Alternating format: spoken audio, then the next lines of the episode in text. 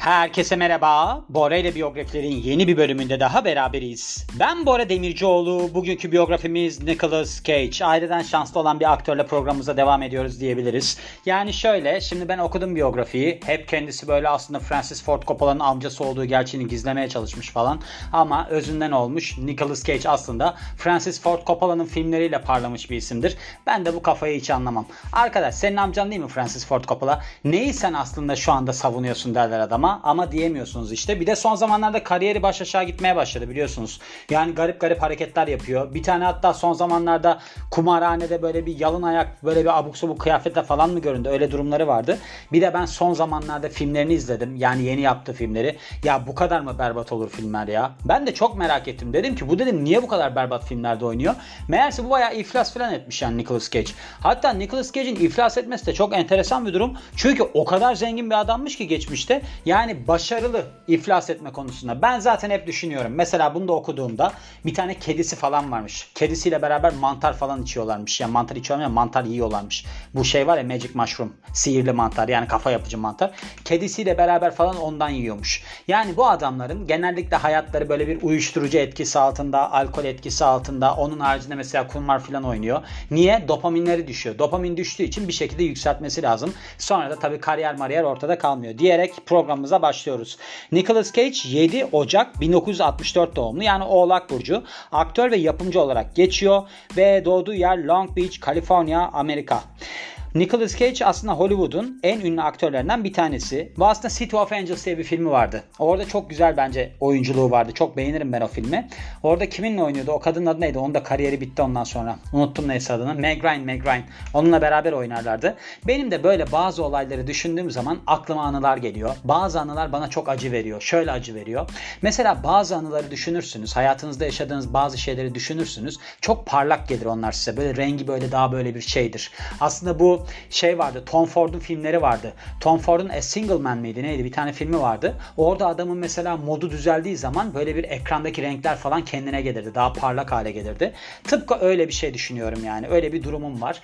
Mesela bu City of Angels'ı izlediğimde ben annemin arkadaşının evindeydim. Kızına şunu sorduğumu hatırlıyorum. Ya sen sence demiştim Nicolas Cage yakışıklı birisi mi? Çünkü ben o sıralarda 16 ya da 17 yaşındaydım ve tiple alakalı, kızların neyi beğendiğiyle alakalı bir fikrim yoktu yani. Hani kimi beğeniyorlar onu pek anlayamıyordum. Hani Brad Pitt'i beğeniyorlardı tamam ama Brad Pitt ve Ricky Martin vardı. Onu beğeniyorlardı tamam ama yani onlarla alakam olmadığı açıktı. Hani alternatif olarak nasıl tipleri beğenebilirler onu düşünüyordum. Neyse ona sordum. Nicolas Cage dedim sence sonuçta Hollywood yıldızı. Yakışıklı birisi mi? Dedi ki hayır dedi hiç yakışıklı birisi değil. Ben dedim ki o zaman dedim niye filmlerde başrol oynuyor? Bendeki vizyona bakın yani. O da dedi ki bilmiyorum ama dedi yani film güzel dedi. Şimdi o aslında konuştuğum kişinin babası MS hastası oldu. Ve ben aslında hep bu şeyi hatırladığım zaman, filmi hatırladığım zaman o sahne aklıma geliyor. Mesela Ondo aklıma geliyor. Bir tane şey var Total Recall diye bir film var biliyorsunuzdur belki Arnold Schwarzenegger'ın filmi. Onda yine aynı aile aklıma geliyor. Böyle durumlarım vardır yani benim.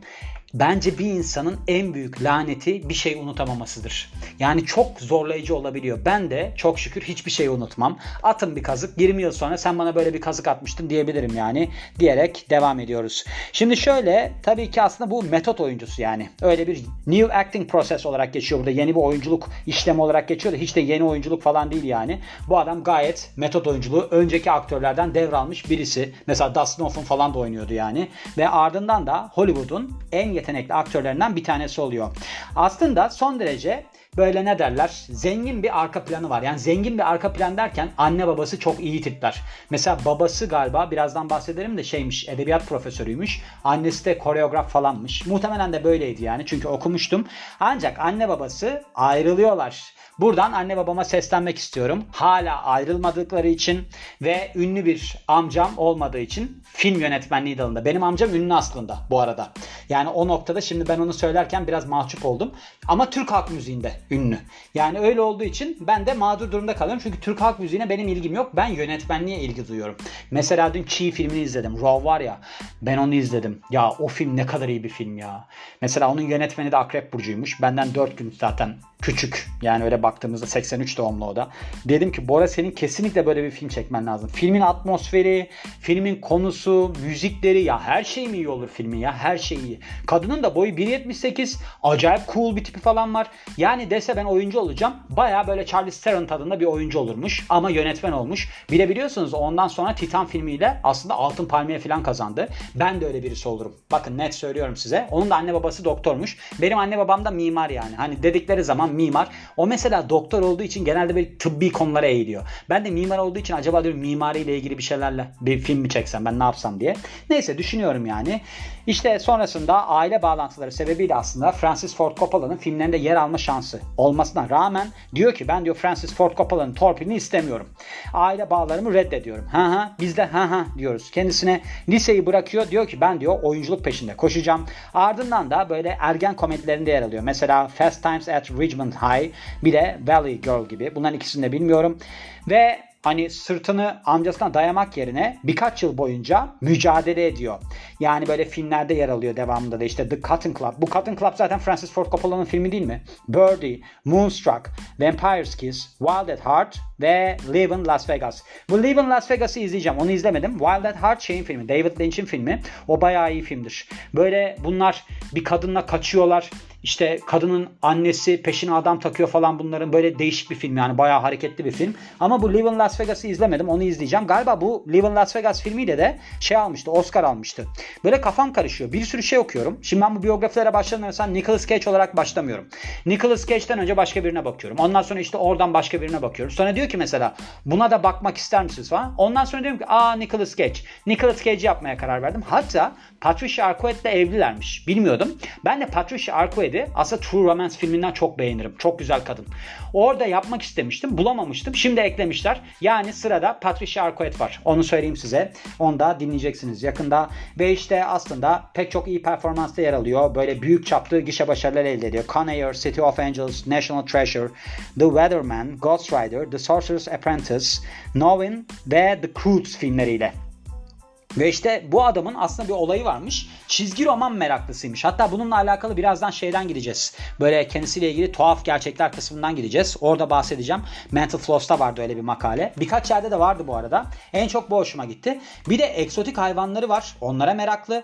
Bir de otomobilleri çok seviyor. İki tane King Kobrası varmış. Kral Kobrası varmış. Sonra bunlar Nicolas Cage'e saldırmaya çalışmışlar. Onun için geri vermiş. Bir de bir katalizör daha almış. Komşuları şikayet etmiş. Demiş ki bu kobralarını bıraksın bize zarar verebilir. Bunlar tehlikeli hayvanlar filan diye. Sonra genel olarak bakarsak olarak da bilinir. Yine sayfamız kapanıyor. Olarak da bilinir neymiş? Nicholas Kim Coppola. Yani bu soyadını reddediyor. Hatta bu Nicholas Cage soyadı da bir tane çizgi romandanmış. Birazdan bahsederim. 59 yaşında eşleri bayağı da eşi varmış bu arada. Rico Shibati 2021 yılında evlenmişler. Bu galiba şeydi. Bu kadınla böyle bir kafayı bulduktan sonra evlenip birkaç gün sonra ayrıldı. Yani geçersiz sayılsın. Las Vegas'ta mı ne evlendi hatırlıyorum. Alice Kim 2004-2016 yılları arasında evliler. Erika Koike 2019 ve 2019 yılları arasında evliler. Lisa Mary Presley 2002-2004 yılında evlilerdi. Patricia Arquette 95-2001 yıllarında evliler. Bu Lisa Mary Presley'e 100 bin dolarlık yüzük hediye etmiş. Ondan sonra kadın da yat seyahatinde fır, sinirlenmiş fırlatmış atmış denize bulamamışlar da 100 bin dolar düşünün ona atmış yani. Patricia Arquette de ilk tanıştıklarında şey yapıyor benimle evlen diyor ancak sonra baya bir sonra 2 sene sonra mı ne kabul ediyor. Birazdan bahsedelim. Boyu 1.83 ideal erkek boyunu 3 santimle ıskalıyor. Ağlasa da sızlasa da dövünse de delirse de yapacak bir şey yok. 3 santimle ıskalıyor. Çocukluğuna gelirsek demin bahsetmiştim babasından yine söyleyeyim yani. August Floyd Coppola bir edebiyat profesörü ve Joy Vogelsang annesi dansçı ve koreograf ve Long Beach, Kaliforniya'da büyüyor. Böyle aslında baktığımızda köken olarak İtalyan, Alman ve Polonyalı köklere sahip bir de adanmış bir Katolikmiş. Ünlü film yönetmeni Francis Ford Coppola kendisinin amcası ve kuzenleri Sofia Coppola, Roman Coppola, Giancarlo Coppola. Yani gördüğünüz gibi hiç film sektöründe torpil olmuş birisi değil. Aynı zamanda iki tane de erkek kardeşi var. Christopher Coppola ve Mark Coppola adında. Şimdi bu çok avantajlı bir durum. İlginiz var. İlginiz olmakla beraber acayip ünlü de bir yönetmen tanıdığınız var yani amcanız. Yani burada siz ünlü olmayacaksınız da ben mi ünlü olacağım değil mi? Şimdi ben dövünmekte, delirmekte, çıldırmakta haklı değil miyim? Haklıyım. Onun için bir şey diyemiyoruz. E tabi şu da var yani. Yetenekli birisi olmasaydı erkek kardeşleri ne iş yapıyor bilmiyorum. Onları duymadık yani. Öyle de birisi olamazdı ama yani burada çok yetenekten patlasanız da hiçbir şey olmama durumu çok vardır. Özellikle bu showbizde yani diyerek devam ediyorum. Şöyle aslında Beverly Hills Lisesi'ne gidiyor. Durumlu birisi gördüğünüz gibi. Ancak böyle bir akademik kariyerle ne bileyim işte öyle bir okulla mokulla müfredatla pek ilgilenen birisi değil. Ve diyor ki ben diyor oyunculuk yapmaya başlayayım. İnanır mısınız ben de böyle birisiydim. Ama hiç diyemedim ki ben de oyunculuk yapmaya başlayayım. Ne zaman ki ben üniversiteye girdim o zaman dedim ben oyunculuk yapmaya başlayayım. Ondan sonra reklamlar meklamlar derken 10 senem orada geçti. Ama tabii ki yıldız olduk mu? Hayır. Ne olduk? Şey podcaster olduk sonunda. Sonrasında liseyi bırakıyor ve diyor ki ben diyor UCLA School of Theater, Theater yani film, televizyon ve de te- tiyatro okuluna gideyim. İşte amcasının başarılarının gölgesinde kalmak istemediği için diyor ki ben adımı Nicholas Coppola'dan Nicholas Cage'e değiştiriyorum ve bunu da aslında Marvel Comics'in süper kahramanı Luke Cage'den alıyor. İlk televizyon çıkışını ise 1981 yılında yapıyor. Şimdi bu tarihe dikkat edin. Bakın 1981 yılında televizyon çıkışını yapıyor. Ardından böyle ergen filmlerinde yer alıyor. Fast Times at Ridgemont High gibi 1982 yılında. Sonraki filmi Valley Girl işte o da sonraki sene çıkıyor. Ve geliyoruz 1983 yılına. 1983 yılında Francis Ford Coppola'nın filmi Rumblefish Siyan balığında yer alıyor. Yani bir sene takılmış. Hani böyle bir çabaladı, acayip zorluklar çekti, amcasının gölgesinde kalmak istemedi dediğine kadar bir sene. Bayağı zorlanmış gerçekten de. Bir de 1982'de yaşamış bu durumu. Kaç doğumlu bu adam? Onun doğum tarihine bir bakayım da ben kaç yaşında o çabayı. 82, 64 doğumlu. 18 yaşındayken bu çabayı gösteriyor. Gerçekten çok zorlanmış. Geçenlerde ne oldu biliyor musunuz? Brad Pitt'in bir tane olayını ben paylaştım. Bora ile biyografilerin Instagram sayfasında. Gwyneth Paltrow'la sevgili olduğunda işte Gwyneth Paltrow demiş ki Harvey Weinstein bana tecavüz etti bilmem ne. O da delirmiş bilmem ne. Neyse. Orada diyor böyle çevirdiğim makalede Brad Pitt diyor Seven filminde yer aldığında Gwyneth Paltrow'la tanıştı. Yani 7 filminde 22 yaşındaydı diyor. Allah Allah diyorum ya 22 yaşında mıydı o filmde? Böyle bir şey oldum yani paralize oldum. Baktım falan doğum tarihini yanlış da hesapladım sonunda. 22'ye ben tamamım dedim yani. 22 yaşında olduğuna ikna oldum. Sonra benim bir zoruma git. Ya dedim bu adam 22 yaşındayken nasıl bu kadar ünlüydü ya? Düşünüyorum. Sonra diyorum ki dövüş kulübündeki fiziği ben 35 yaşında yaptı zannediyorum. Şimdi ben antrenörüm ya. O fiziklerle falan çok ilgiliyim ben. Hatta onunla ilgili besin piramidine bölüm falan koydum. Diyorum ki ya ben nasıl bu kadar yanıldım ya? Adam 35 yaşındayken falan. Sonra meğerse 32 yaşındaymış. Ben bir rahatla. Sanki sanarsınız ki ben oynadım filmde. Sana ne oluyor değil mi? Böyle gece uyuyamadım falan. Kafamı kurcaladı. Ya dedim bu adam nasıl 22 yaşında bu kadar ünlü olabilmiş? Ben dedim ne bu kadar başarısın falan.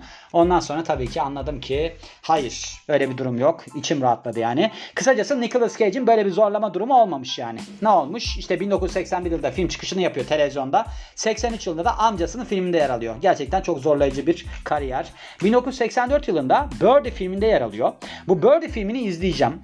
Bunu ben önceden izlemiştim. Hatta o kadar izlemiştim ki benim o zamanlar MSN vardı. Oradaki nickname'imin adı Birdie'ydi. Tamamen bir ergen şeyinden dolayı yani böyle bir ne bileyim isteğinden dolayı diyebiliriz. Mesela benim bir arkadaşım vardı. Şizofrenikti onun da Nick'i. Hiç unutmuyorum. Onun Nick'i de böyle bir şizofrenik olarak yapmıştı. Öyle bir durumlarımız vardı. Yani ergen böyle bir şeyleri vardır ya takma adları vardır ya. Onlardan bir tanesi de benim için Birdie'ydi yani. İki tane dişini çektirmiş. Role girebilmek için. Sonra işte aslında oyunculuğu olan tutkusuyla ve de kişiliğiyle öne çıkmaya başlıyor. Aynı sene Racing with the Moon'da yer alıyor ve ardından da The Cotton Club'da başrolü üstleniyor ki kim yönetmiş bu filmi? Bilin bakalım kim yönetmiş? Francis Ford Coppola yönetmiş tabii ki. 1986 yılında komedi drama filminde yer alıyor. Captain Turner'a karşı oynuyor. Filmin adı Peggy Sue Got Married. Sonrasında bir kez daha Francis Ford Coppola'nın yönetmenliğini yaptığı bu film pardon Francis Ford Coppola'nın yönetmenliğini yaptığı filmmiş ve büyük bir gişe başarısı elde ediyor. Çok güzel yine zorlanan bir kariyer gördüğünüz gibi. Burada başka bir şey var mı diye bakacağım. Yani burada sürekli filmlerinden bahsettiği için sonrasında şeye geçeceğim. Sonra tekrar buraya döneriz merak etmeyin. Neden döneriz? Çünkü burada şeyler falan var ya kendi kişisel yaşamıyla alakalı şeyler var ya onun için oraya tekrar dönerim. Şimdi biz Mental Floss'a gelelim. Mental Floss'ta böyle kendisiyle ilgili tuhaf gerçeklerden bahsediyor. Şöyle olmuş. 2011 yılında bir röportajda demiş ki ben demiş aslında Orange County'deki evime bir kişi girdiği için çok büyük korku yaşadım. Bir adam girmiş gözümü açtığımda diyor yatağın başında bir adam duruyordu. Çıplaktı ve üzerinde deri bir ceket vardı ve atıştırmalık bir şey yiyordu karşımda. Şimdi ben bunu anlattığım zaman gülüyoruz baya komik geliyor ama aklım çıkmıştı. Polis gelene kadar adamla konuşmak zorunda kalmıştım diyor. Benim de böyle bir anım var. Şöyle bir anım var. Ben de Kadıköy'de bir evde kalırdım. Sonra ben bir uyandım. Bakın şöyle durumlar vardır. İşte size birisi bir şey söyler. Bora işte birisi var falan. Böyle derinlerden yani hani böyle ben derin uyku modundayım yani o noktada. Hani REM uyku evresine böyle bir yaklaşmaktayım. Derin uyku evresini geçtim. REM uykuya geldim. Arkadaş ben oradan bir çıktım. O uyku modundan bir çıktım. Kafamda böyle bir adam Böyle bir de benim de o zaman gözüm bozuk yani lens falan takıyorum. Tabi yatarken takmıyorum. Böyle bir karartı. Evin içinde 3 tane adam. Adamların peşinden ben koştum falan. Sonrasında herhalde adamlar dedi ki ya bu 3 kişinin peşinden koştuğuna göre herhalde bu karateci falan dedi. Hepsi kaçtı. Kadıköy'ün sokaklarında sabah 6'da ben hırsız kovaladım. 3 tane. Yani öyle bir durumum benim de var. Sadece ünlü değilim yani. İkinci olarak diyor ki büyük bir çizgi roman fanatiği ve büyük bir arşivi varmış. 97 yılında şöyle bir sayısı varmış bir süper kahraman dergisinin 1939 yılında Superman'in yer aldığı bir sayısı varmış ve şöyle oluyor bunu alıyor satın alıyor yani 97'de ve ardından da Cage'in evinden çalınıyor bu. Ocak 2000'de. 11 yıl boyunca kitap ortalarda görünmüyor. Bulamıyorlar yani. Ardından bir tane böyle çizgi roman satan kişinin dükkanında bulunuyor. Adam diyor ki ben neyi aldığımı bilmiyordum. Sonrasında bunu bulduktan sonra bir sene sonra 2.1 milyon dolara satmış kitabı. Böyle bir dur yani çizgi romanı. Ve demiş ki bu ilahi adalet. Bir tane piramit mezar taşı olduğundan bahsediyor. Böyle bir piramit satın almış ve St. Louis şeyde mezarlığında No 1'de. Ve işte bu piramitte de diyorlarmış ki kendisi için aldı burayı. Burada işte mezar olacak falan diye.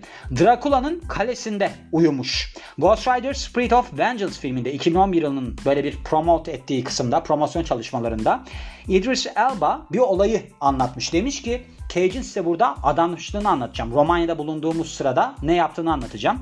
Elba demiş ki sen demiş hani böyle bir yorulduğu için, çekimlerde yorulduğu için sen demiş böyle bir kalacak yer falan buldun mu? O da demiş ki evet demiş. Drakula'nın kalesini kiraladım. Böyle dağların tepesinde bir yer ve gece orada geçirdim demiş. Bu da biri şaşırmış yani nasıl yani falan demiş. Demiş ki ben role girmek için böyle biraz ürkütücü bir yer arıyordum. Orayı buldum orada kalıyorum demiş. Yani bu aslında şeymiş bu Bram Stoker'ın romanındaki hikayedeki bu Drakula'nın yaşadığı yermiş. Yani oradan esinlendiği söyleniyor. Dinozor kafatası satın almış. 276 bin dolara 2007 yılındaki bir açık artırmada. Ancak 2014 yılında demişler ki bu Mongolya'nın Gobi çölünde çalındı. Onun için geri iade etmeni istiyoruz ve iade etmiş. Sonrasında ben demiş korku romanı yazacağım. Onun için de dünyadaki en lanetli şeyi kiralamış. Mansion'ı kiralamış. Malikaneyi kiralamış. Şöyle ben demiş bir korku romanı yazmak istiyorum. Onunla alakalı da bir yerde kalmam lazım. Ve La Laurie malikanesini satın alıyor. New Orleans'taki 2007 yılında. Bu aslında seri katil Madame Delphine LaLaurie'ye aitmiş. Ancak haciz sebebiyle 2009 yılında kaybedince demiş ki ben zaten romanda da çok ilerleyememiştim. Bir keresinde kedisiyle beraber Magic mushroom yiyorlar. Zehirli mantar yiyorlar. Ne derler o kafa yapan mantar yiyorlar. İşte bunu da şeyde anlatmış. David, Letterman, David Letterman's Late Show var ya 2010 yılında orada anlatmış. Böyle işte ben demiş mantar falan tükettiğimde kedim vardı benim. Lewis adında. Ve o da çok severdi benim yanında takılmayı. Ben de bir gün dedim ki ya o da yesin o da keyiflensin falan. Sonra diyor işte kedi yedikten sonra beni, ben yatağa yatmıştım. O da karşımda duruyordu. Ve erkek kardeşim olduğundan çok emindim demiş. Nicolas Cage Film Festival diye bir şey varmış. Yani böyle filmlerini falan izledikleri böyle bir toplantı yeri gibi bir şey. Bir keresinde ona katılmış. insanların sorularını falan yanıtlamış. Bir de şey okumuş. Edgar, Edgar Allan Poe'nun The Telltale Heart. Şey nedir bu yazısı herhalde ya da şiiri olabilir. Bir kere Japonya'daki bir şey varmış. Böyle bir mısır patlağı işte gofret gibi bir şey öyle bir şey. Onun üzerine Nicolas Cage'in resmi beliriyor. Ancak izni olmadan. Hatta bu resim Army of One diye bir film varmış. Oradaki promosyon çalışmalarında kullanılması için belirlenmiş bir resimmiş. Sonrasında bu filmin uluslararası dağıtımcısı olan Filmation özür dilemiş bu hata için. Böyle kafalarına göre kullanmışlar. Bizde de var ya böyle mesela dönercide işte atıyorum Brad Pitt'in resmi var falan. Yani öyle bir durum olmuş anladığım kadarıyla. Sonrasında geliyoruz gene The Famous People'a. Kişisel yaşamına bakıyoruz. Nicolas Cage, Christina Fulton'la 88 yılında çıkmaya başlıyor ve bir çocukları oluyor. Weston Coppola Cage adında. 8 Nisan 1995'te Patricia Arquette'le evleniyor ve 2001 yılında boşanıyorlar. Ben demiş ilk gün evlenme teklif ettim ancak yıllar sonra kabul etti bu evliliği. Sonra işte bu şeyle Lisa Marie Presley ile evleniyor. 10 Ağustos 2002'de aslında aynı senede boşandılar. Sonrasında eski garson Alice Kim'le evleniyor. 30 Temmuz 2004 yılında bir oğulları dünyaya geliyor. Carl L adında. Bu da 3 Ekim 2005'te dünyaya gelmiş. 2016 yılında boşanıyor çift. Bu kadın da böyle bayağı adama aldattı falan diye söylentiler çıkmıştı hatırlıyorum. Böyle bir restoranda görmüştü bu Alice Kim denilen kadını. Böyle Japon, Amerikan Japon bir kadındı. İşte kadına böyle ben senden çok etkilendim evlenmek istiyorum falan demişti. Ve hayatı değişti diye anlatmışlardı. Yanlış hatırlamıyorsam öyle bir şeydi. 2019 Mart'ında makyaj sanatçısı Erika Koike ile Las Vegas'ta evleniyor. Bu kadın işte benim demin dediğim hani böyle bir sarhoşken falan evlenmiş de sonra boşanmış ya 4 gün sonra da boşanıyorlar. Nicolas Cage Japon kız arkadaşı Riko Shibata ile 16 Şubat 2021'de evleniyor. 2022 Ocağında ise diyor ki çift biz ilk çocuğumuzu bekliyoruz ve kızları dünyaya geliyor 2022 Ekim'inde. August adı da oymuş. Çok hayırsever birisiymiş. Ben bilmiyordum böyle birisi olduğunu. Mesela böyle genel olarak 2002 milyon dolarlık bağış yapmış. Burada rekor şeydedir Michael Jackson'dadır yalnız. 500 milyon dolardı galiba yaptığı yardım.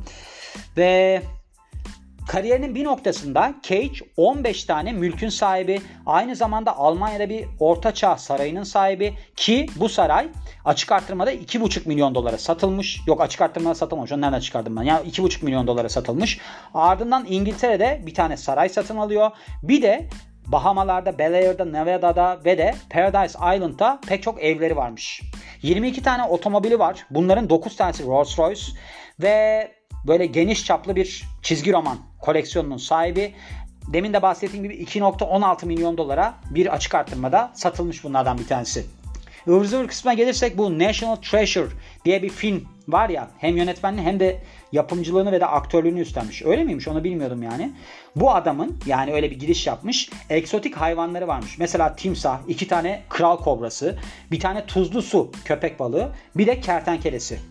Filmlere bakarsak The Rock 96, Face Off 97, National Treasure 2004, Con Air 97, Gone in 60 Seconds 2000, Lord of War 2005, City of Angels 98, Live in Las Vegas 95, National Treasure Book of Secrets 2007, Racing Arizona 87. Ödüllerine bakarsak İn Las Vegas'la Oscar alıyor en iyi aktör kategorisinde 96 yılında. Bir de in Las Vegas'la yine aktörde en iyi aktör ödülünü alıyor Altın Küre'de. Gördüğünüz gibi bir böyle bir insandı. Bu adamın aslında bir tane filmi vardı. Burada vardı bu ama yıldızından da bahsedeyim. 98 yılında Hollywood Walk of Fame'de bir yıldızı oluyor kendisinin. Benim böyle beğendiğim bir film vardı. Bunlar iki kardeşler böyle bir tanesi acayip böyle nerd bir tip şişman falan bir tanesi böyle yazar mıydı neydi senaristi senaristi. O filmin adı neydi onu unuttum. Burada geçiyordu aslında. Eğer ki sizi böyle bir oyalarken bunu bulabilirsem çok hoşuma gidecek. Ama yani benim en çok beğendiğim film Adaptation buldum. Yani sizi anlat böyle oyalarken buldum. Bir de Ridley Scott'ın draması varmış. Match, Matchstick Man adında. Bu filmde dolandırıcıları falan anlatıyor. Hatırlamıyorum ama bu da güzel bir filmdi yani. Yani ben bunu okurken aslında Nicolas Cage'in biyografisini okurken şunu düşündüm. Ya dedim bu adam gerçekten yıllardır var. Tamam kariyeri kötü gidiyor bir şeyler oluyor böyle bir sansasyonlanan adam oluyor ama var yani. Kötü filmlerde yer alıyor. Bu adamlar nasıl bunu koruyorlar çok merak ediyorum. Çünkü Hollywood'da çok isim silindi. Bence Francis Ford Coppola sayesinde oluyor. Bağlantıları sayesinde oluyor. Çünkü biliyorsunuz bir laf vardır. Diplomanın açamadığı kapıları size bağlantılar açar derler. Onun için ben de ona inanıyorum yani. Neden inanıyorum? Neden bunu düşünmek istiyorum? Diyorum ki Bora sen nasıl milyoner olursun? Çünkü biliyorsunuz milyoner olamamaktan çok sıkılmış birisiyim diyorum ve bu biyografinin de sonuna geliyorum. Beni dinlediğiniz için çok teşekkür ederim. Ben Bora Demircioğlu. Yeni biyografide görüşmek üzere. Hoşçakalın.